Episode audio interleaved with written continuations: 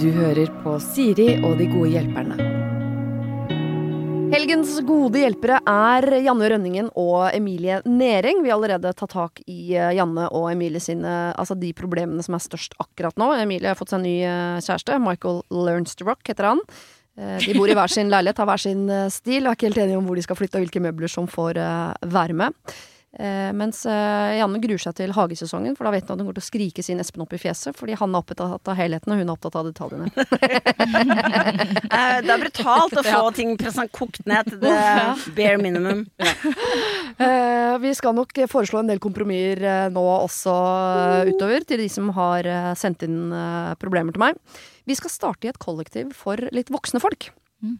Dere får lov å sitte, så får dere ser litt eh, anstrengt ut når dere står, men Nei, Dere syns det er ålreit å stå? Jeg vil, jeg vil bare sitte hvis dere sitter. ok, greit. Ja, da skal jeg ta innskytte sitting et eller annet sted i løpet av dagen her.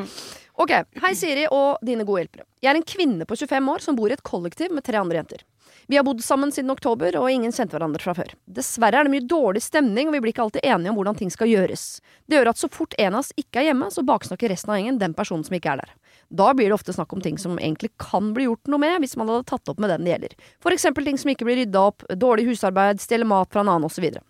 Hun ene er veldig frekk mot oss andre. Eh, mest frekk mot meg, egentlig. Og jeg kan tåle en del, men de siste gangene har hun begynt å si sårende kommentarer som går på min kroniske sykdom, og da har jeg blitt lei meg. De andre i kollektivet reagerer også på denne kommentaren, men dagen etter da jeg spurte om en unnskyldning, så fikk jeg i hvert fall ikke det. Hun hadde jo ikke sagt noe galt, ifølge henne selv. Jeg syns det er eh, tøft fra før, og jeg, eh, at jeg ikke kan jobbe studere akkurat nå, da jeg venter på svar på en søknad eh, om uføretrygd, og det virker ikke som hun frekke tar dette på alvor, at jeg faktisk er alvorlig syk. Jeg er ikke lat. Dessverre må jeg betale administrasjonsgebyr på flere tusen om jeg flytter før det har gått et år, og det har jeg ikke råd til, så hva gjør jeg? 1. Hvordan skal jeg takle all baksnakkingen i flere måneder til? Jeg sier dumme ting selv, men jeg prøver å skjerpe meg, og derfor begynte å støtte vedkommende som blir snakket om. Eh, to, det hjelper ikke å snakke med hun som er frekk, da hun bryr seg kun om seg selv og er litt sånn whatever, jeg bryr meg ikke, men har dere noen råd om hva jeg kan gjøre når hun sier kommentarer som sårer meg, så hadde jeg blitt glad. Kall meg Anna. Altså, eh, flytt er jo det åpenbare rådet her, det vil hun ikke ha, for hun har ikke råd til. Eh, Hvordan skal hun takle all den baksnakkinga? Og hvordan skal hun takle de spydige kommentarene som går direkte på henne og hennes helse?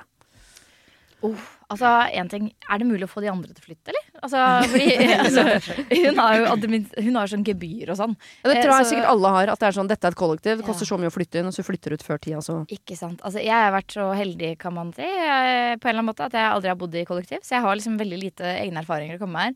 Men det er jo eh, Altså, jeg har jo veldig troen på kommunikasjon. Da. At her må det kommuniseres. Kanskje man skal ha et sånt ikke familieråd, men liksom kollektivråd, hvor man på en måte ukentlig kan ta opp eh, Altså kombinere med en sånn hyggelig, hyggelig middag. For eksempel lage en søndagsmiddag eller et eller annet. Ja. Og så etterpå diskutere ting som må tas opp, og så prøver man å være en smule pedagogisk oppi det hele, og så starte med det, eller i stedet for å Det er sånn typisk jenter å begynne med baksnakkingen, og så gnager det over veldig lang tid, og så bare eksploderer det. Ikke sant? Så ta Mm. det litt før det eksploderer, da. Ja. Og så syns jeg at de var jo 25, så ganske liksom voksne til å bo i kollektiv. Så man forventer jo litt mer av 25-åringene enn 20-åringene, kanskje. Men Mm. det virker ikke som de er helt i mål der. Mhm. Skjønner du at de tyr til baksnakking? Ja, jeg prøver å tenke på det med å ikke baksnakke. Det er veldig vanskelig. Ja. Særlig hvis man er sint og, og, og føler Særlig hvis noen har sagt noe sårende til deg, og du har lyst til å på en måte gjenopp, altså, gjenopprette balansen ved hvert fall at ikke de andre skal mm. tenke på deg på den måten. Da. Mm. Men eh, baksnakking er jo regna som rus i f.eks. for eksempel eh, det tolvtrinnsteget AA og anonyme narkomane.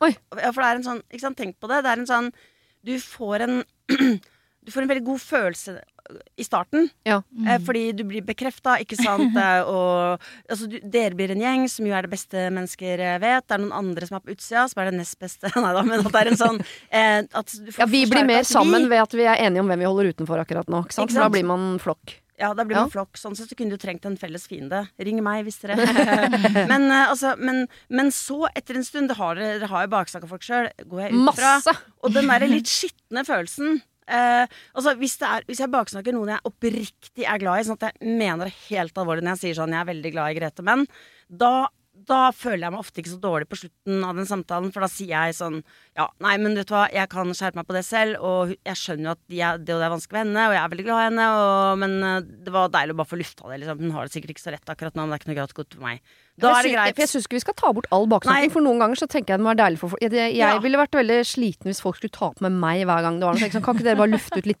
på privaten? Ja, ja, Og så tar dere de store tingene med meg. Ja, jeg innimellom. pleier å si det på scenen. Det er en av mine mest populære vitser. Hvis du har noen problemer med meg, ta det opp med noen andre. ikke så gøy? Ja. Men um, Men jeg tenker at Uh, Jo, den der følelsen etterpå. Hvis du ikke har liksom kommet fram til noe, det bare var for å slenge dritt. Den, det er en dårlig følelse. Det er, det er på en måte baksnakkingens fyllesyke, da. Mm. Det er ikke noe bra å holde på med det. Kan man si at baksnakking er kjappe karbohydrater? Innimellom så må man øh, Det er greit, liksom. Og så innimellom må man ha et skikkelig måltid. Det vil si å snakke med den det gjelder. Ikke sant? Fordi Ja, eh, jeg tror det er en eh, Baksnakken, det blir man ikke kvitt. Man klarer, jeg syns veldig fint det hun har gjort allerede. At hun øh, har prøvd å slutte, og prøvd å støtte den det blir snakket om. Det er en vanskelig ting å stå i. Veldig bra, gjør det mer. Det blir lettere etter hvert. Uh, og så, eh, eh, så tenker jeg at hvis det først er kultur i gjengen om at med en gang noen går ut av rommet, så baksnakker vi. Vanskelig å snu. Ja, og der jeg tenker sånn, En ting jeg ikke helt skjønner, kan ikke de gå til noen andre og baksnakke? Sånn, Ja. Jeg har de ikke andre i livet sitt de kan altså, lufte det? For jeg skjønner den der, Grunnen til at man ofte baksnakker, er jo ja, det er det der, at man kan skape et visst form for fellesskap med det. Mm. De gir alltid en litt uggen følelse, syns jeg da i hvert fall. Men hvis man har en forelder eller en bror eller søster eller noen andre venner da, som man bare kan si sånn Vet du hva, fy faen, jeg bare, det kollektivet mitt. Hør Ja. her nå. Blablabla, og så kan du tømme deg til de. Og så kommer du liksom hjem, så er det litt mer lett til sinns. Og det burde egentlig alle gjøre. Og så har jeg også veldig, jeg har veldig trua på å, å finne en slags eh, Altså, de andre der skal også bo der noen måneder til uansett. Og alle, eh, hun er ikke den eneste som kjenner på dette, tror jeg. Så det å på en måte prøve å skape en litt god kultur innad i det kollektivet, Mm. er jo mulig. Altså, de er 25 år, de er to år yngre enn meg. Eller sånt. Jeg skjønner ikke at det skal være så vanskelig å finne en eh, litt voksen form for enighet i, over, som kan funke i noen måneder da, før de kan flytte. Mm. Ja, for man kan jo ha den, som sier, den felles middagen hvor man snakker om ting. Og der mener jeg man kan gjøre eh, to forskjellige ting. Det er jo eh, Vi har noe som heter Kinderegg-leken. Alle får hvert sitt Kinderegg som man har noe å holde på med, og man gleder seg til sjokoladen og man tenker litt for å bygge og sånn, mens de andre eh, sier noe enten positivt til deg, hvor du slipper å se det i øynene, for det er alltid litt kleint, eller hvis man har, uh, er skikkelig tøff, så kan man si hva man syns er utfordrende ved deg, mens du kan få lov til å titte på den lille figuren du bygger mens du spiser sjokolade. Jeg tenker sånn, jeg er veldig for Jeg er jo litt for baksnakking, men jeg er også litt uh, for Jeg skulle gjerne hørt hva folk baksnakker om meg, og det har jeg bedt om en gang. Jeg foreslo for venninnegjengen, men kan vi møtes og så baksnakker vi hverandre mens vi hører på? Uh, fordi jeg tror det hadde vært litt sånn Jeg syns det er veldig deilig å vite hva folk syns er vanskelig med meg. Jeg sier ikke at jeg Ja. kommer til å forandre det, men det har bare vært deilig å være klar over. Så hvis de hadde turt det kollektivet her, ta en runde, eh, Mm. god middag, til dessert er det Kinderegg, og si sånn 'Det jeg liker veldig godt med deg, Janne', blablabla. men når du stjeler pålegg, eller kommer med kommentarer som går på min helse, hvor du uh, sier at jeg er uh, lat, da blir jeg veldig, veldig såra. Det vil jeg at du skal slutte opp med. Jeg, da, jeg, da jeg hadde vært borte fra scenen i fem år, eller noe sånt, så, så spurte jeg en kompis, Ole So, som er veldig ærlig, om det er noe folk sier om meg som jeg burde vite om, altså noe jeg burde endre på. Fordi man får jo ofte høre ting om andre. Uh, så sa han nei, heldigvis, da. Jeg er kjempeunna, da. Men det var én ting, da. Ja. Som heldigvis han måtte tenke litt Unnskyld. Han måtte tenke litt før han kom på det, heldigvis. Da. Men, eh, altså, men, det han, eh, men det han sa, var at jeg har en, en tendens til at når vi er backstage, um, så skal, involverer jeg alle i mine problemer. Ja. Og han skjønte med en gang hva han mente. At jeg kan liksom uh, På Latter, for eksempel, når det kan stå eh, liksom, Det er liksom 100 elektrikere, for eksempel, ikke sant? så kan jeg være sånn Å, herregud, jeg bare Jeg vet ikke, elektrikere Jeg har så følelse at det, akkurat den type menn liker ikke meg, og herregud, og, og da, må jeg ta, da må jeg ta vekk de De kommer ikke til å skjønne de poengene der, og holde på sånn, da. Og så sitter jo alle de andre og biter negler inni seg. Eh, og det, de har ikke tid eller plass eller lyst til å være involvert i mine nevroser akkurat da. Mm. Eh, så jeg skjønte det veldig godt. Eh, og um, har prøvd ikke å gjøre det da. Det er jo veldig sjelden at man ikke kjenner seg igjen i det som blir sagt bak ryggen uh, når du er borte. Så jeg tenker, hvis, jeg tror det kan være lurt Ikke legg det fram som baksnakking. Men hvis man kunne tatt en skikkelig sånn oppvask og si sånn hver søndag skal vi spise middag, i hvert fall når vi kan. Og så tar vi en lufterunde hvor vi sier til hverandre uh, hva som har vært litt, kanskje litt utfordrende med hverandre denne uka her. Mm. Men jeg til- liker den. Uh, Og Anna kanskje en og en òg, da. At det blir litt mye å få fra en gruppe hvor tre stykker sier og sier sånn. Ja, Ja, men alle det må er få. helt enig. Man må jo, ta runden. Men allikevel. Nei, jeg vet ikke. Ja, du har sikkert rett. Ja. Jeg tror man skal ta runden på sånn uh, Det stjeles fortsatt en del ting i kollektivet her. Eller jeg syns fortsatt det vaskes for dårlig på badet. De tingene der. Og er helt åpne om behovet. Sånn, jeg er ikke så opptatt av reint bad. Nei vel, ok, men det er vi, så det må du. Mm. Men til de der støtende kommentarene som går rett til Anna fra hun frekke. Altså, det, det, det må man jo på en måte eh, En vanlig måte å møte alle sånne, sånne kommentarer på, er jo forsvar. At man går rett i Eller at man angriper den andre oss tilbake igjen. Ja. Det er ingen god strategi. Eh, det beste er egentlig å fortelle. Ikke sant? Å være litt sånn være, ta, ta det veldig face to face og si vet du hva, den kommentaren du ga meg der, den, den gjør faktisk vondt for meg. Mm. Eh, jeg blir lei meg når du sier det, eh, og skulle ønske du ikke kunne Eller jeg setter ikke pris på sånne kommentarer. Eh, liksom Være litt sånn eh, både sette deg litt i respekt for at du faktisk tar det med henne, i stedet for å baksnakke og føle på det og bla, bla. Men at du faktisk eh, altså Hvis hun et, et, har et snev av empati i seg, da, så vil hun jo se hva du mener. Og da eh, så da vil hun ende opp med å føle kanskje en form for skamfølelse eller skyldfølelse for å ha gjort det. Og det Mm. tenker jeg at det er jo egentlig det beste du kan gi en uh, sånn person, da. Ja, Påføre litt skam. Og jeg mener det helt ekte. Jo, men Ja, det er ikke så dumt uh, bestandig, det. Men hvis du, det du gjør der, da, det heter sjiraffspråket. Det er vel Ah. sånn jeg føler. Jeg blir veldig lei meg når du snakker til meg på den måten. Uh, jeg syns det er veldig leit at folk uh, ikke forstår at jeg har en at jeg har en ordentlig sykdom, og at folk tenker om meg at jeg er lat. Jeg syns det er vanskelig når jeg blir møtt med det også i mitt eget hjem. Sånne ting. Det er veldig bra, da. Eh, fordi det kan hun ikke ta fra deg, på en måte. Ikke sant? Det er bare din opplevelse av det. Det er, Ja. det er litt sånn sjiraffer eh, Nei, man, skal strekke, konverserer. man skal strekke halsen langt Ah. istedenfor å være en sjakal, som er det motsatte. ah, ja. Men, er eh, ja. Men det som er kjipt, det er jo at det, å være eh, syk eller ha en kronisk lidelse For eksempel, jeg har ADHD, og jeg vet at det er så mange som har så mye meninger om det. Eh, alt fra nesten at man er et slags eh, eh, sånn hyperaktivt geni som får gjort veldig mye, eh, eller at man, er, at man er sånn lat og bare vil gjøre ting som ikke er gøy. Det siste er litt sant, da, men, men det, En egenskap som brer seg videre enn ADHD-diagnosen. Ja, men for man får, men fordi man får ikke belønning Belønningssenteret i hjernen er ødelagt. Mm. Eh, så andre folk får em, dopamin, f.eks. hvis de rydder i en skuff. Det får ikke jeg. Nei. Og da er det veldig tungt å gjøre det. Men jeg må jo selvfølgelig gjøre det. Men det, er, det, det, Det gir deg ikke noe. Det gir meg ingenting. Og jeg blir veldig sliten av det. Sånn.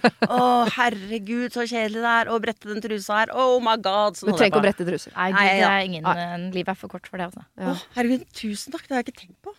Å, nei. Går det an? Ja. Broder det på en pute. Du er så flink til med håndverk, du vet du. Det kan du gjøre.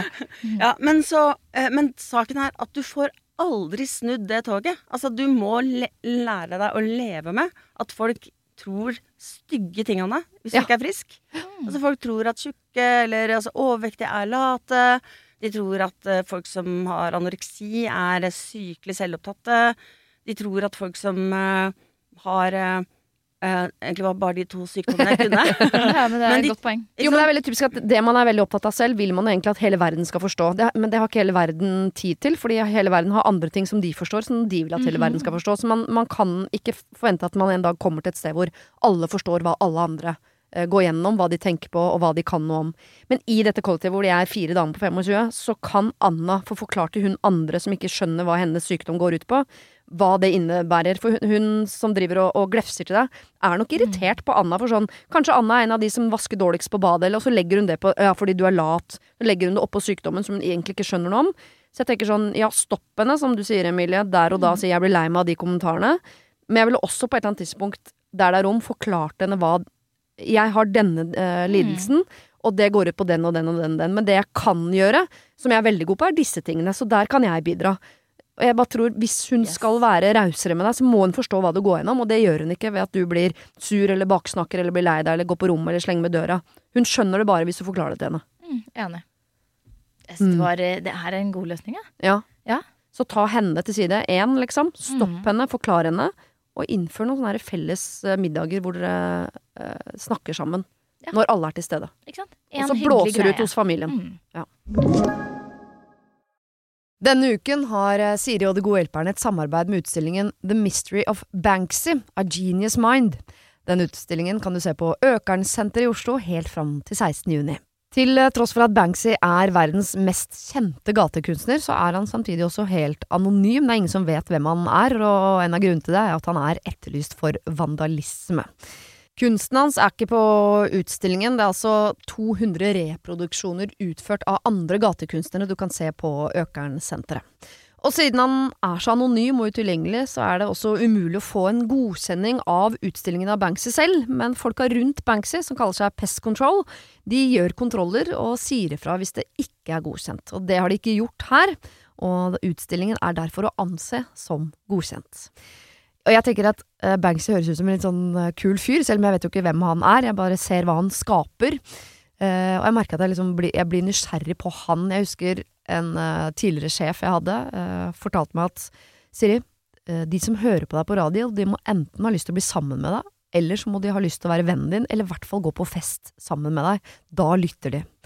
Jeg vet ikke om jeg har så veldig lyst til å bli kjæreste med Banksy, vanskelig å si, men det hadde definitivt vært veldig gøy å gå på fest med han eller ha han som venn, bare for å høre litt mer om hva som bor inni det kunstneriske hodet hans. Kjøp billetter til utstillingen på mystery-banksy.no. Her kan du også lese mer om utstillingen. Bruk kodeordet Siri, velg tidsbestemte billetter på hjemmesiden, og få billetter til kun 250 kroner. Koden gjelder til og med 31. mars. Har du et problem og trenger hjelp, ja, så sender du det til meg. Da bruker du Siri, alfakrøll, radionorge.no. Ok, vi skal til et barnebarn. Uh, Hei sann. Jeg har uh, av mange grunner valgt å ikke ha en relasjon til pappaen min. Uh, og heller ikke hans side av familien. Og spesielt gjelder det foreldrene til pappaen min. Dette er et valg etter mye forskjellsbehandling av meg og min søster, der vi alltid ble valgt bort framfor andre barnebarn.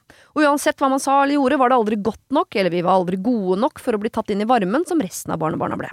Dette var sårt som barn, og derfor, etter mange år, har jeg valgt disse personene vekk fra livet mitt. Nå er jeg blitt gravid, som vil bli det første barnebarnet til mine foreldre, og foreldrene mine er veldig spente. Men av min relasjon til pappas familie har jeg valgt at de aldri skal få møte barnet mitt. Dette er også et valg pappaen min skal få vite om, selvfølgelig, mamma vet allerede og forstår meg. Spørsmålet mitt er, hva tror dere dette valget vil gjøre med min relasjon til pappa? Jeg er veldig glad i faren min og ønsker ikke å ødelegge eh, den relasjonen, men jeg er heller ikke villig til å gjøre andre fornøyd på bekostning av meg selv. PS. Jeg har prøvd å ta kontakt i voksen alder, eksempel da jeg inviterte de til mitt bryllup for pappas skyld, og de valgte å ikke komme. Gikk motvillig på besøk for ca. et år siden etter mye mas fra pappaen min, der jeg fortalte at det er siste gang jeg kommer til å se familien hans, noe han tar da med en klype salt. Hilsen Ida, 29. Altså hun har forhold til pappaen sin, han får Mm. møte barnet, men ikke hans familie igjen. Ikke sant? Her hører jeg mye rart. Åh, Ja. Det her var vondt, syns jeg. da Det er en uh, veldig sårbar situasjon. Jeg, uh, men det, er, det høres ut som hun har et godt forhold til, til pappaen. Altså begge foreldrene, og det er det viktigste her i dette når hun skal få det barnet sitt selv. Um, og det høres jo ikke ut som det er et sånn veldig stort uh, sånn tap med den familien som ikke vil møte opp i bryllup eller andre ting. da Nei. Eh, Så spørsmålet hennes var egentlig hva det vil gjøre med relasjonen til faren. Det er det som er spørsmålet, men det jeg tenker på er Hun spør jo om det, uh, om det vil ødelegge forhold til faren, men jeg, jeg, hører samtidig at eh, at hun eh, At hun egentlig vil ha kontakt med dem. Men, og nei, er du sånn nå? Da, nå er vi på to forskjellige båter. Men la, eh, få høre hva som er om bord i din båt der borte. Nei, altså jeg tenker at hvis du ber om et møte for å si at dette er siste gangen vi snakker sammen, det tenker jeg er egentlig en, eh, et ønske om kontakt. Nei, hun gikk motvillig med for ett år siden til å komme etter mye mas fra pappa. Så det var bare for å være grei mot pappa. Å, det var Ah. hun! Ok, Ja, ja, ja, da ja. stryker jeg det. Ja. Sorry. sorry. Nei, for hun har ikke noe Hun har tatt et valg, hun vil ikke ha noe med de å gjøre. Men for å være grei, sikkert mot pappaen sin, inviterte de i bryllupet. For å være grei, gikk med på å møte de. Men får jo bare bekrefta antageligvis skuffelsen fra barndommen. eh, Og blir enda tryggere antageligvis på at det valget jeg har tatt, på at de ikke trenger å være en del av mitt liv, det er en god avgjørelse. Og så er hun redd for forholdet til pappaen, fordi Mm. pappaen har jo sikkert, selv om han har forståelse for hennes valg, en god relasjon til sine foreldre. Og det er nesten helt umulig hvis man er glad i noen og ikke skjønner hvorfor ikke andre er det. Tro, Mm. Tror jeg. Men er det ikke veldig rart at faren hennes ikke har reagert på at hun ble forskjellsbehandla av hans foreldre? At Jo. Det ville jeg reagert veldig på hvis mitt Ja. barn ble dårligere behandla enn de andre barnebarna i familien. Absolutt. Eh, jeg håper han har prøvd å gjøre noe med det, men det har han i så fall ikke lykkes med, da. Mm. Altså, det høres ut som måte, hun uansett Hun vet jo ikke helt hvordan dette her vil påvirke relasjonen til faren før hun faktisk har det med han. da Um, Og det viktigste er jo hele tiden å prøve å skape en uh, viss forståelse her. Eh, At man ikke bare At man virkelig, virkelig forklarer faren hvordan det føles for, uh, for seg selv, det, hvordan det var å bli forskjellsbehandlet i ba barndommen, hvordan det føles når de ikke møter opp i bryllupet, hvordan hun kontinuerlig syns de ikke bryr seg om henne, og at hun ønsker ikke å ha den på en måte, relasjonen i sitt liv, og virkelig bare prøve å skape en eller annen forståelse hos faren, Mm. så er jo det er jo sånn at han vil alltid være faren hennes, så det vil alltid være et, et bånd der, som, og han virker som han er veldig veldig glad i henne, at det egentlig ikke kan helt forstyrres. Sånn sett. Mm. Så det ville jeg følt meg trygg på at uansett vil vare. Eh, så jeg tenker, tror det, her må man prøve å skape en, en god forståelse, altså. Ja. Og så kan man selvfølgelig, en annen, hvis man skal se helt annerledes på det, så kan man tenke sånn Ok, men er det ikke fint for det barnet å ha flest mulig folk i familien, og liksom at man har litt sånn mange man kan ty til, at man har flere besteforeldre og ikke bare én mormor på én side, liksom, men man har eh, blir det, farmor og farfar og litt sånne ting. Mm. Ehm, og det, så jeg vil egentlig tenke litt på det, da. Hvordan er det for barn å kanskje ikke ha den delen av familien? Ehm, bare Ja. hvert fall gå gjennom det perspektivet i hodet sitt før man tar et eh, alt eller intet-valg, da. Fordi, ja. Tenk på det noen ganger sånn hvor gøy det hadde vært å ha sånn storfamilie som bare var liksom Det var besteforeldre og tippoldeforeldre og fette kusiner i eininga, liksom. Vi måtte leie et gods for å samle alle. Det høres jo veldig gøy ut. Så jeg sånn, Men hvis det var eh, Hvis disse en, en, eh, 30 nye familiemedlemmer som plutselig skulle dukke opp rundt meg, var eh, folk som gjorde at jeg ble lei meg, da holder jeg meg til de fire jeg har, ja. Istedenfor å ha 34 på et gods. Det er sant. Men uh, um, Det er jo et fenomen som heter alien kids. Som er at med en familie, Det kan komme et barn inn i en familie som er helt annerledes enn de andre barna i familien. Ja. For eksempel det er en, en familie hvor eh, alle er veldig opptatt av sport. Uh, og så kommer det et barn som er veldig opptatt av å lese bøker og, og lære seg nye ting. Jeg tenker at det liksom er motsetning, da. Ja. Velg.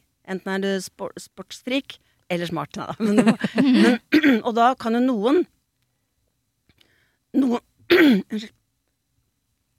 Noen kan jo tenke da at å, så spennende, liksom. Så gøy med dette barnet. Jeg vet ikke hvor, jeg vet ikke hvor hun tar det fra. Jeg, og sånn. Syns det er spennende. Mens andre kan være sånn de eh, bare prøver å omvende det barnet, legge fra den boka og Ja. ta på ski. Ikke sant? Eller du er annerledes, du er ikke en del av gjengen. Ikke sant? Mm. Ja. Og da kan det hende at faren har akseptert at hun er annerledes, men at besteforeldrene ikke har gjort det. At de, for eksempel at hun ikke har vært så glad i de tingene de besteforeldrene liker. da. Mm. Eller at de har vært direkte kjipe, da. Det går jo også an. Men jeg tenker at hvis noen folk er så dårlige for deg, hvis du føler deg dårlig sammen med dem, så, så, er det, så er det pappaens jobb, tenker jeg, å beskytte deg mot dem. Da må, må han velge din side, og det, som du sier, det tror jeg han kommer til å gjøre. Mm. Så jeg tror bare at hvis du er ærlig, du trenger ikke å si masse stygge ting for å gjøre det veldig vanskelig for ham, men bare si 'jeg syns det er vanskelig at de ikke aksepterer dette', 'jeg syns det er vanskelig at de eh, snakker til meg på den måten', øh, og jeg, jeg syns det er sårt at de har forskjellsbehandla meg, derfor så klarer jeg ikke dette her. Men jeg kommer ikke til å lage masse eh, styr for at de møter andre. Så da slipper faren å være så i skvis, da. Jeg tror de aller fleste, Hvis han havner i en skvis, så tror jeg de aller fleste velger nedover, ikke oppover. Altså Hvis jeg må velge mellom barna mine og foreldrene mine, så tror jeg eh, de aller fleste velger barna. Eh, Fordi der har man omsorgsgenet kicker inn. Sånn, det er min jobb. Er sånn, nå, jeg er, er ute av redet, jeg kan fly, nå skal jeg lære de folka her å fly. Det er min jobb herfra. Um, Og han må jo ha sett det. Han må jo ha sett det. Ja. jeg tipper han har sett det. Men jeg, en del av meg sier at det er ikke sikkert dette blir et problem. For det, hvis ikke de var så veldig opptatt av barnebarna sine, så er det liten sjanse for at de blir veldig opptatt av barna til barnebarna sine.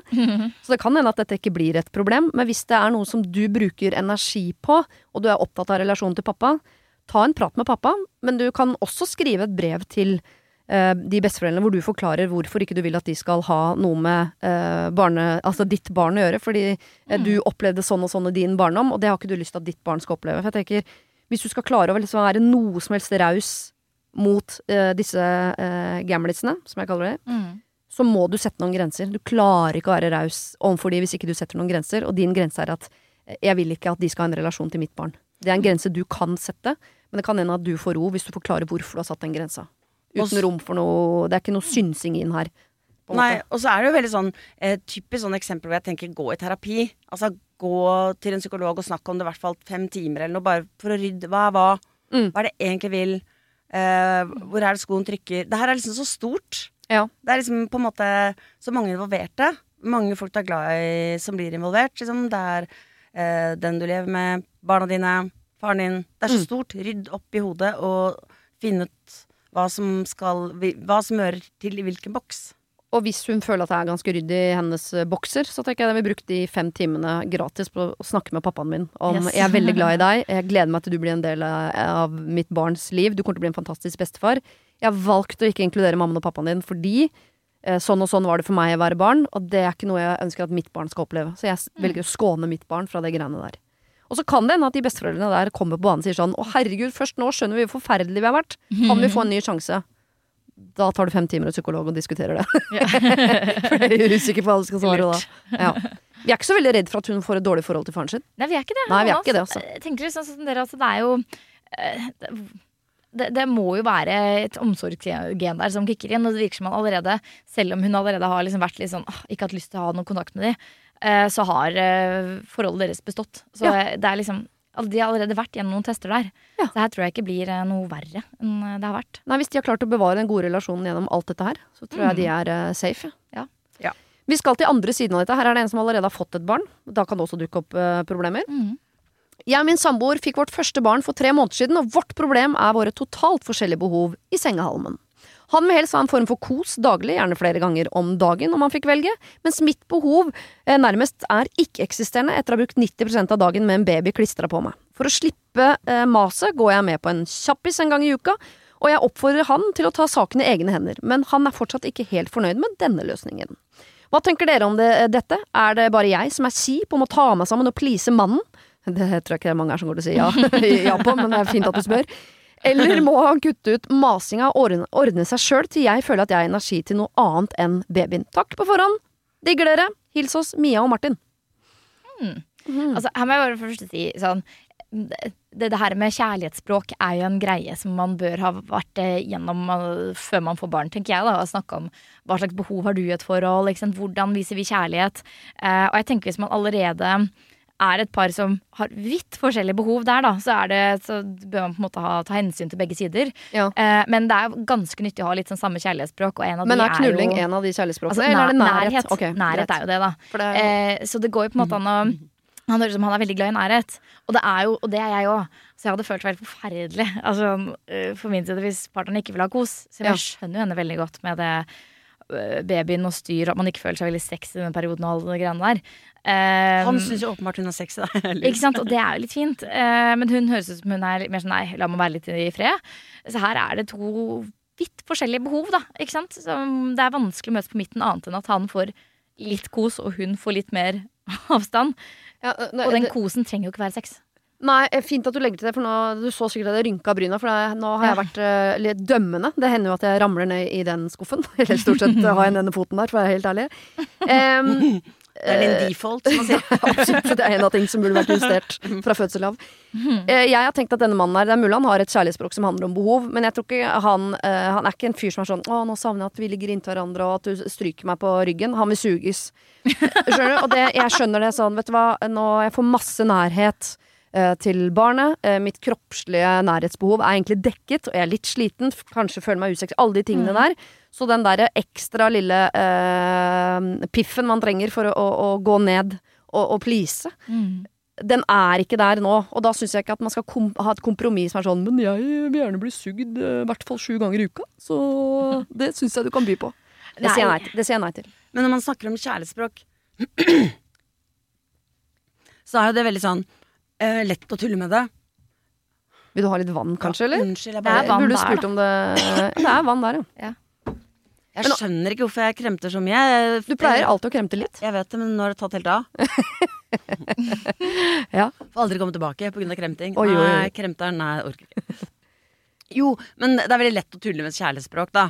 Altså, mitt kjærlighetsspråk er at jeg vil ha gaver, for eksempel. Noen har det som kjærlighetsspråk. Ja. De får det er sånn de får bekreftelse, da.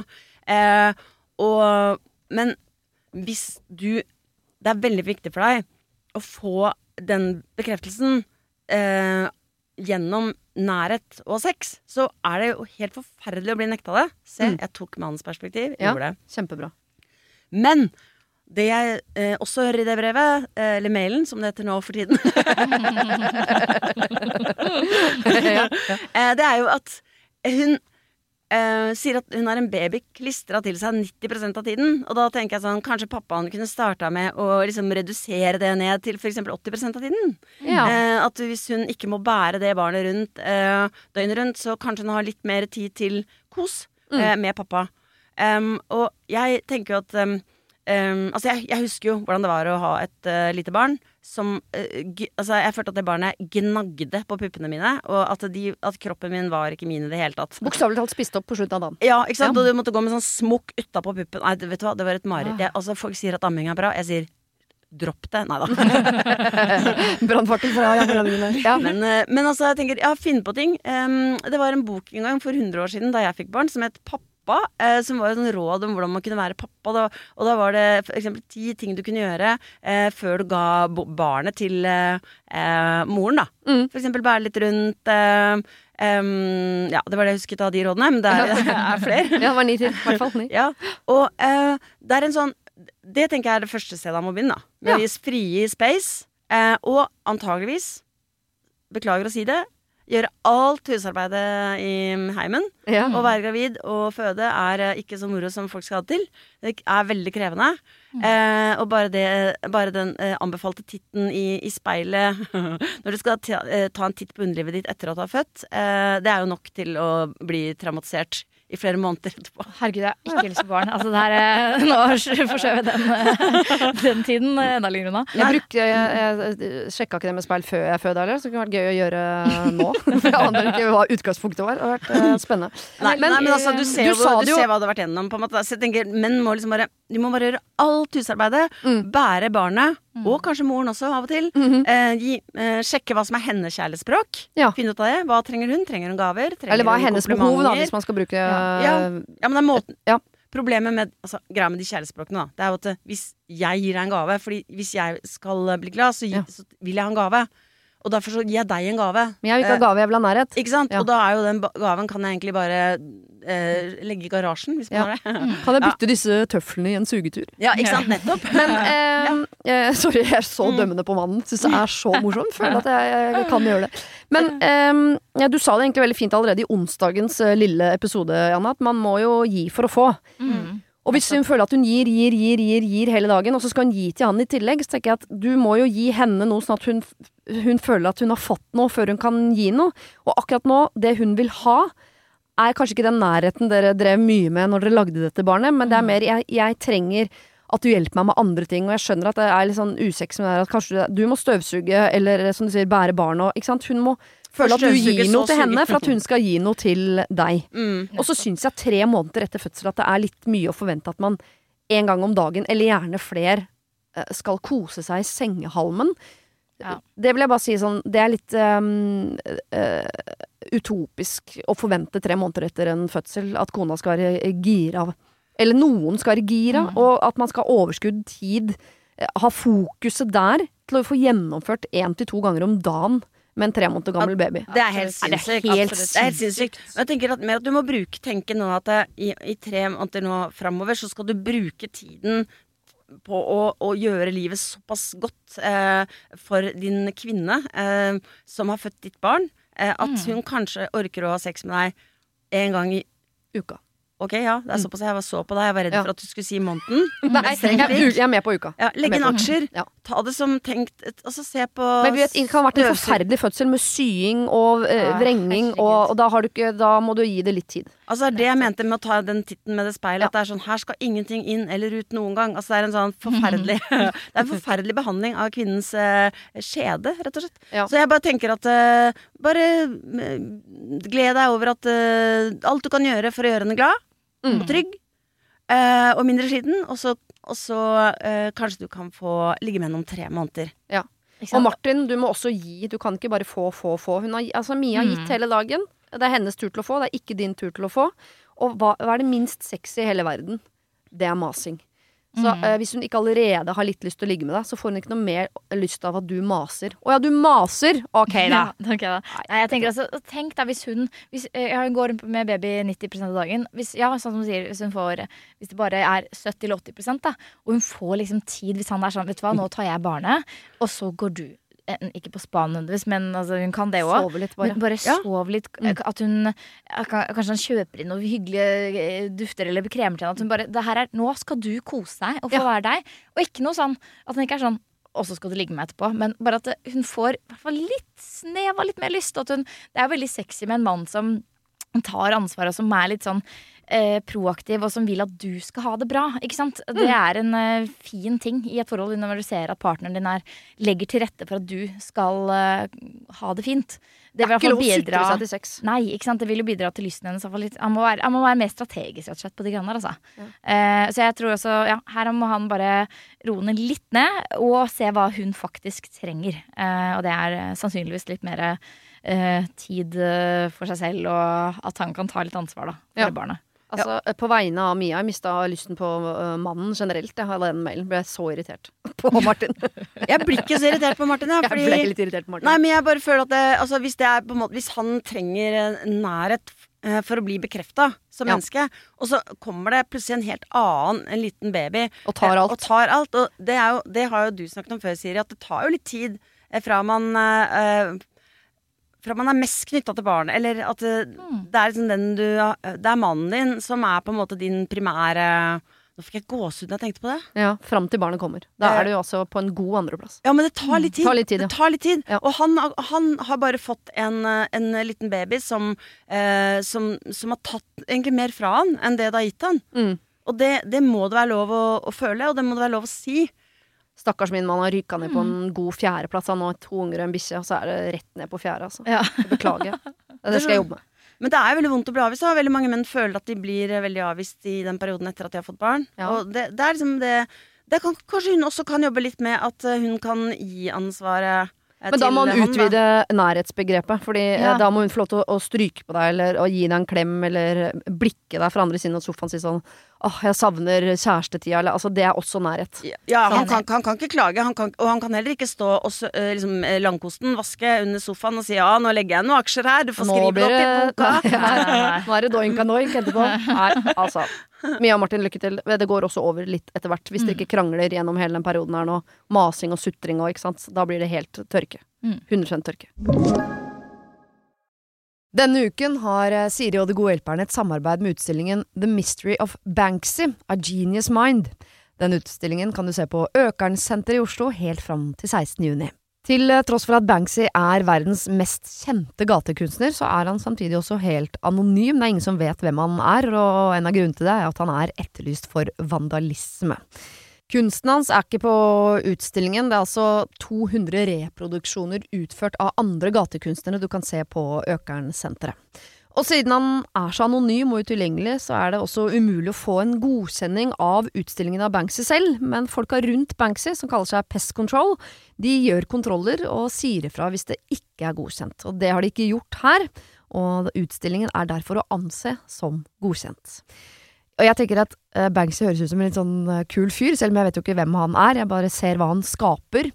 Eh, og jeg merker at jeg, liksom blir, jeg blir nysgjerrig på han. Jeg husker en tidligere sjef jeg hadde, fortalte meg at Siri, de som hører på deg på radio, de må enten ha lyst til å bli sammen med deg, eller så må de ha lyst til å være vennen din, eller i hvert fall gå på fest sammen med deg. Da lytter de. Eh, jeg vet ikke om jeg har så veldig lyst til å bli kjæreste med Banksy, vanskelig å si, men eh, det hadde definitivt vært veldig gøy å gå på fest med han eller ha han som venn, bare for å høre litt mer om eh, hva som bor inni det kunstneriske hodet hans. Kjøp billetter til utstillingen på mystery-banksy.no. Her kan du også lese mer om utstillingen. Bruk kodeordet Siri, velg tidsbestemte billetter på hjemmesiden, og få billetter til kun 250 kroner. Koden gjelder til og med 31. mars. Har du et problem og trenger hjelp, ja, så sender du det til meg. Da bruker du Siri, alfakrøll, radionorge.no. Over til en som har fått det til. Dårlig overgang, men uh, det er en her som har ligget, og angrer litt på det. Da. Jeg var på danskebåten for noen uker siden. Oi, ja, ja, ja, ja, alle på den. ja. Jeg er 24 år og lå med en mann på 58. Jeg var En Jeg er 24 år, jeg lå med en mann på 58. Ah. Ja. Var det en oi misunnelseslyd du lagde der? Nei, eller? Nei okay. det var ikke det. For det er fullt mulig å få til.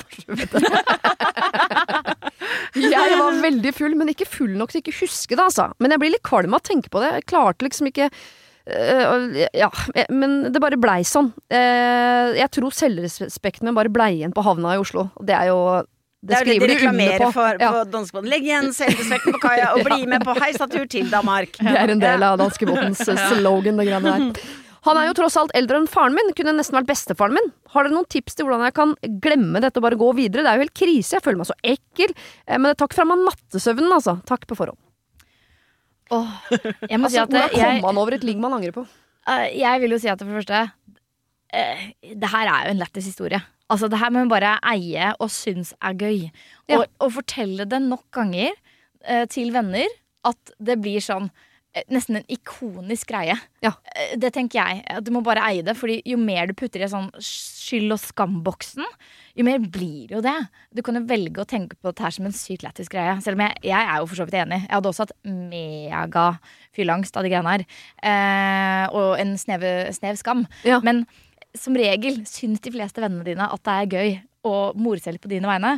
Og det her kan bare bli en veldig morsom historie, tenker jeg. Dette blir en veldig morsom historie. Jeg tenker på et eller annet tidspunkt nå, uh, så kommer den venninnegjengen her til å være sånn Hvis de er ute på byen og ser en mann som er kjekk, men litt i øvre sikt aldersmessig, så kan de si sånn Whoop, whoop. Alle bare sånn ah, Danskebåten, skjønner, vi rører ikke han.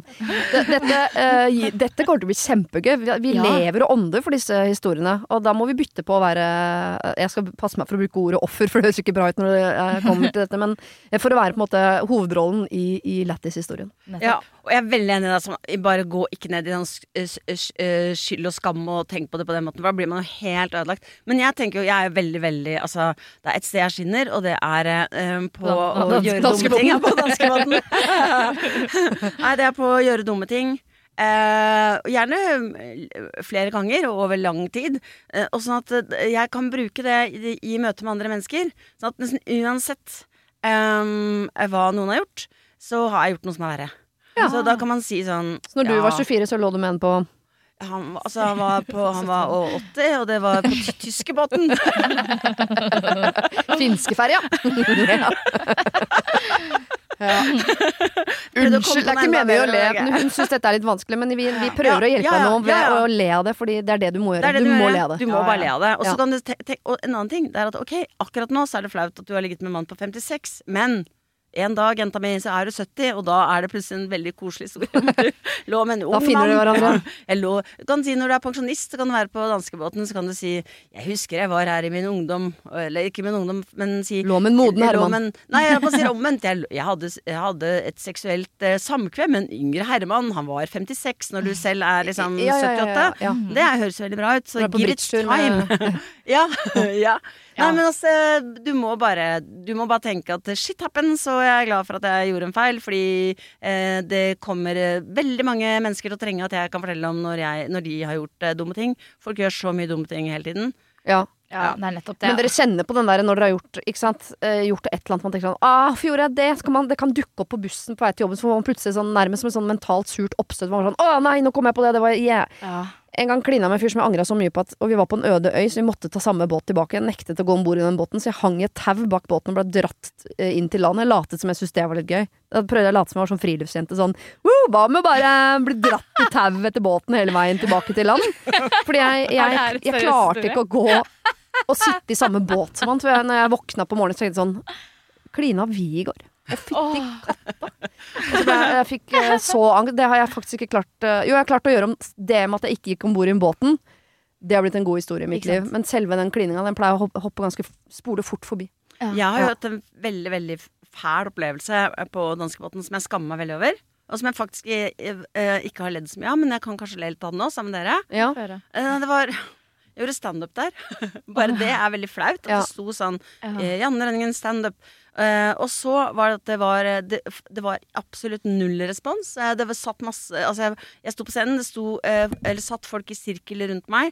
Ingen lo. Jeg var helt fortvila, helt desperat. Etterpå fikk jeg vite at de var russere. Men det er allikevel veldig veldig flaut. Og jeg måtte gjøre standup på returen også. Altså Det var bare sånn Det var, et, det var, et, altså, det var skammens krus. Mm.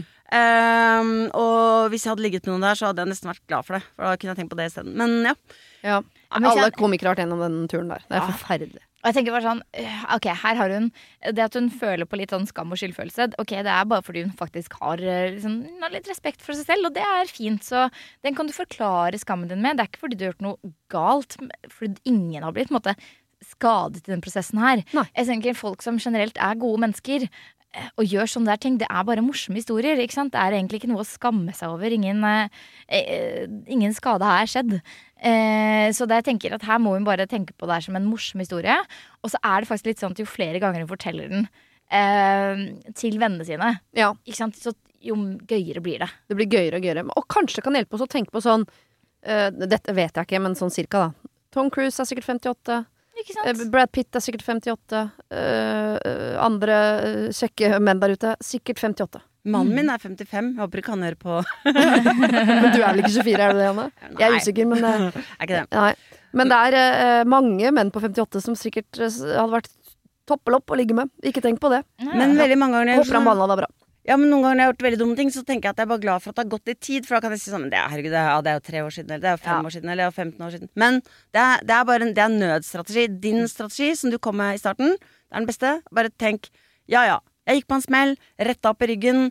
Eh, ei historien bare Jeg lå med en på 56, men jeg har ikke drept noen. Eller, eh, Nei. eller gjort noe annet eh, Den som er har jo- gått ut for andre mennesker. Den her er kjempefin å ta på. Jeg har aldri. Herregud. jeg tenkte på jeg er aldri. sånn, tenk hvilke, Du blir jo liksom center of attention hvis det er sånn herre Jeg har aldri ligget med en mann på 58, eller hva det var. Ja. Woo!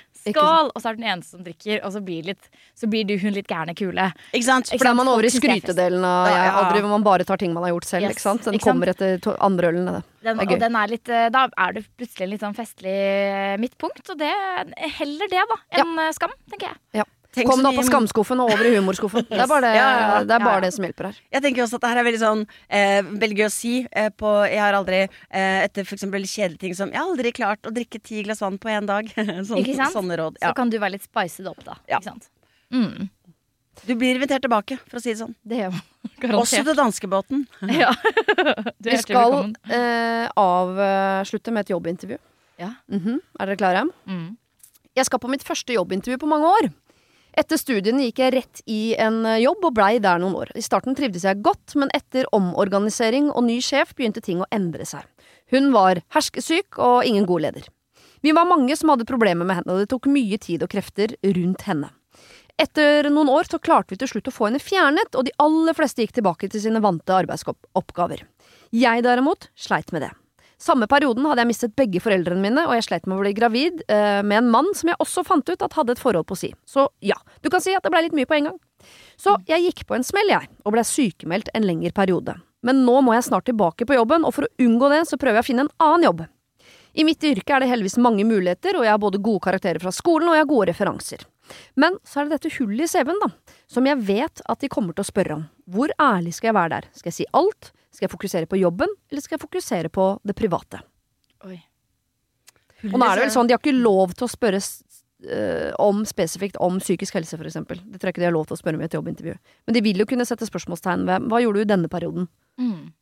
Og da sier man jo at de setter pris på at du er ærlig, da, men det ja, Jeg tror ikke helt på det, altså. Der har jeg vært veldig heldig, fordi jeg er komiker. Så hvis jeg har jo mange hull i CV-en, egentlig. eh, Perioder som ikke Har du CV? Jeg har egentlig ikke CV. Så nei, ja, CV meg her og CV meg der. Kan alltid skrive komiker. Men eh, ja, jeg tror på ærlighet, men jeg tror ikke på, så veldig på åpenhet, egentlig. Det er veldig populært å være for åpenhet, men jeg er for lukkethet, da. Ja. Altså, jeg tenker man kan si at um, jeg har at, Man kan si at man har vært utbrent. Det er lov, men man trenger ikke å Man kan forklare at eh, Altså, de tingene hun sa, er jo ganske sånn greie eh, forklaringer. Si at det, var, det var veldig mye som hendte på en gang i livet mitt. eh, Eh, og da, eh, da var jeg en periode sykemeldt. Mm. Eller jeg måtte, måtte ta en timeout. Legens ordre. Mm. eh, og det tok litt lengre tid enn jeg hadde tenkt. Mm. Men nå er jeg nå, nå føler jeg at jeg er tilbake i, i god form. Og ønsker å Altså, jeg tror man Hvis man begynner å lyve, så blir det helt umulig. Ja. Man trenger ikke å lyve, man kan jo velge hvor man legger fokus. Jeg sånn, Hvis jeg har sittet som arbeidsgiver og skulle ansette en, og så vet jeg hva jeg har lov til og ikke lov til, og hva jeg har lov til å fokusere på og ikke og sånn, og så kommer det inn en som har dette hullet i CV-en som han snakker om, så tror jeg det ville vært lettere for meg hvis hun sa uh, Jeg mistet begge foreldrene mine, slet med å bli gravid med en mann som viste seg å være utro. Så jeg sånn Ok, det hørtes helt jævlig ut. Mm, Sjansen for at det skjer igjen, er ikke så stor. nettopp. Eh, Men hvis hun sier sånn Jeg hadde en leder som ikke var en god leder, sleit veldig med henne, men vi fikk en til slutt fjerna, men da ville ikke jeg. Så ville jeg tenkt sånn Det kan skje igjen. Ekstremt mye dårlige ledere. Kanskje noen her hos oss allerede. Så hvis det er sånn at du i motgang eh, ved eh, å møte en dårlig leder kan finne på å forsvinne eh, ut i sykemelding igjen, så da eh, ville jeg kanskje som arbeidsgiver vært mer skeptisk. Jeg tenker også at jeg ville droppa utro.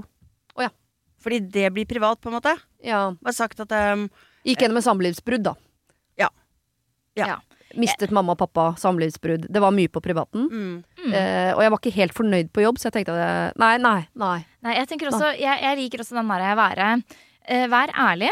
Eh, men også vise at du ser fremover. Fordi Det viktigste er egentlig at du viser en form for optimisme. Mm. At du har kommet deg, eh, og at det var en veloverveid og litt en, en liksom beslutning, det å sykemelde deg eller at du ble borte fra jobben en stund. Det var ikke noe du egentlig ville. ikke sant? Fordi Hvis man ser det her ja, fra arbeidsgivers side, så ønsker man jo bare motiverte arbeidere Mm. som egentlig tåler en trøkk, og som ikke blir sykemeldt. Det er det man vil ha. Så hvis man klarer å vise at man både er liksom eh, fit for fight, man har bare skikkelig lyst til å gi jernet, Mm. da kan man både si det at eh, Jeg tenker det er greit å si det at vet du hva, det, hvis, siden du spør, eh, begge foreldrene mine døde. Eh, jeg, og jeg sleit med å bli gravid, og kjæresten min var utro. Altså akkurat det var en veldig kjip periode i livet mitt. Men eh, jeg elsker egentlig å jobbe, og her ser jeg for meg mange muligheter. At, at, ta, at du viser at du ser fremover, da. Og er en sånn At du er eh, en dame med sånn bein i nesa, liksom at du har vært gjennom en trøkk. Og ikke sant, som du sier, det der skjer jo ikke igjen. Så jeg ville utelatt det at du ikke er fornøyd med ledelsen og sånn, fordi det høres ut som sånn klagete greie. Mm. Um, så tenker jeg at uh, du kan jo velge om du vil inkludere det med utroskap eller ikke, men akkurat det å prøve å få barn, det kan at du prøver på på nytt, og så går det ikke. Så det er akkurat uh, Jeg ville holdt meg kanskje til at foreldrene døde. Ja. Egentlig. Fordi da, da er på en måte sånn Det skjer ikke igjen. Og det er eh, dritkjipt. Man skjønner at det er en belastning, liksom. Og man er ærlig uten at man har fortalt absolutt alt som foregikk det siste året. Men jeg tenker sånn en kjapp liten sånn forklaring på hva det hullet er eh, i CV-en. Og så har de ikke lov til å følge opp med noe særlig sånn åssen går det med helsa på det. Men gå kjapt over uten at de i det hele tatt har bedt om det. Kjapt over på hvordan du ser for deg framover. Hva du er klar for, hva du er motivert for. Og legge fokuset der, sånn at det foran deg bare blir en, eh, en setning eller to. Ja, og at jeg tenker at man kan si eh, starte og slutte på a high note, er ikke det? Si at jeg har alltid elsket å jobbe. Altså, Mm. det, har vært en, det har vært eh, noe som har gitt meg glede i livet mitt. Mm. Eh, og, men så døde begge foreldrene mine, og da Da burde jeg nok tatt en eh, timeout Mm. og tatt litt rolig, men jeg jobbet bare mer og mer. Eh, Og det resulterte i at jeg gikk på en smell. Mm. Um, Ikke sant? Den er fin. ja, men det og, og, og det må jeg også bare si at det er noe jeg har lært av. Fordi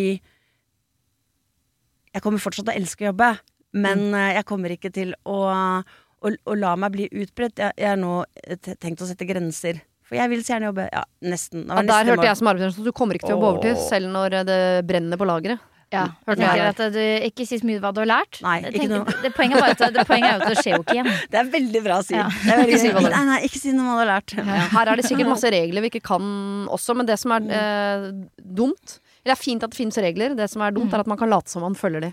Og jeg tror eh, Jeg har troa på at det er mange fine arbeidsgivere der ute, men jeg tror også det er mye ræva folk. Eh, og det er mange som er redde, bare tenker på eh, bedriften sin og økonomien, og det skjønner jeg, det er jo det man skal. Mm. Og som syns det er risky å ansette eh, folk med for mye huller på CV-en og sånn. Og det er eh, synd, men hvis du viser dem menneske, eh, menneske bak hølet, som jeg pleier å si. Har aldri sagt før, skal aldri si igjen. Eh, og fokusere på liksom, eh, hvilken ressurs du er, hvilken kapasitet du har, hva Ja. du ser for deg framover, eh, hva du kan bidra med i deres bedrift. Mm. Eh, Så tror jeg de eh, eh, Så tror jeg det er det de hører, og det de ser. Jeg jeg føler meg ganske trygg på. Mm. Så vær ganske ærlig. Du trenger ikke være ærlig på alt.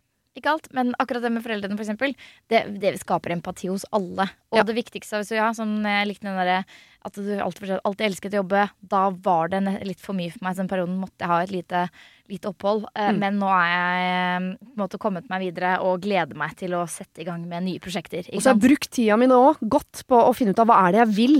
Mm. Og så dukker denne jobbannonsen opp, og så merker jeg sånn Dette vil jeg. Dette er jeg 100 klar for. Dette jeg, jeg, kjenner jeg at jeg gleder meg til. Og så kan hun også si um, aldri så galt at det ikke er godt for noe. Jeg kommer jo aldri til å miste begge foreldrene mine igjen, for det gjør man jo bare én gang. Ja. For meg. Og så prøver du å dra i gang en latter. Jeg prøvde å trekke inn humor. Ja. Eh, kanskje ikke skal gjøre det. Men du kan hvis du vil. Du kan hvis du vil. Ja. Absolutt. Eh, apropos det, takk for at dere har trukket inn eh, både humor, eh, gode råd, balanserte råd, masse god hjelp. Det har vært fantastisk å ha dere her eh, begge to. Takk, Janne Rønningen og Emilie Næring. Det var det. Husk å sende problem til siri.radionorge.no om du vil ha hjelp. Denne podkasten er produsert av Klynge for Podplay.